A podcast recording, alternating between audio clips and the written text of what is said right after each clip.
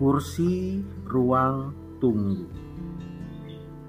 Jawaban atas puisi Hujan Bulan Juni oleh Sapardi Djoko Damono. Tak ada yang lebih tabah dari kursi ruang tunggu. Dirahasiakannya resah rindunya pada kenangan di bangsal tua itu. Tak ada yang lebih bijak dari kursi ruang tunggu. Dibiarkannya takdir meninggalkannya di tempat terkutuk itu.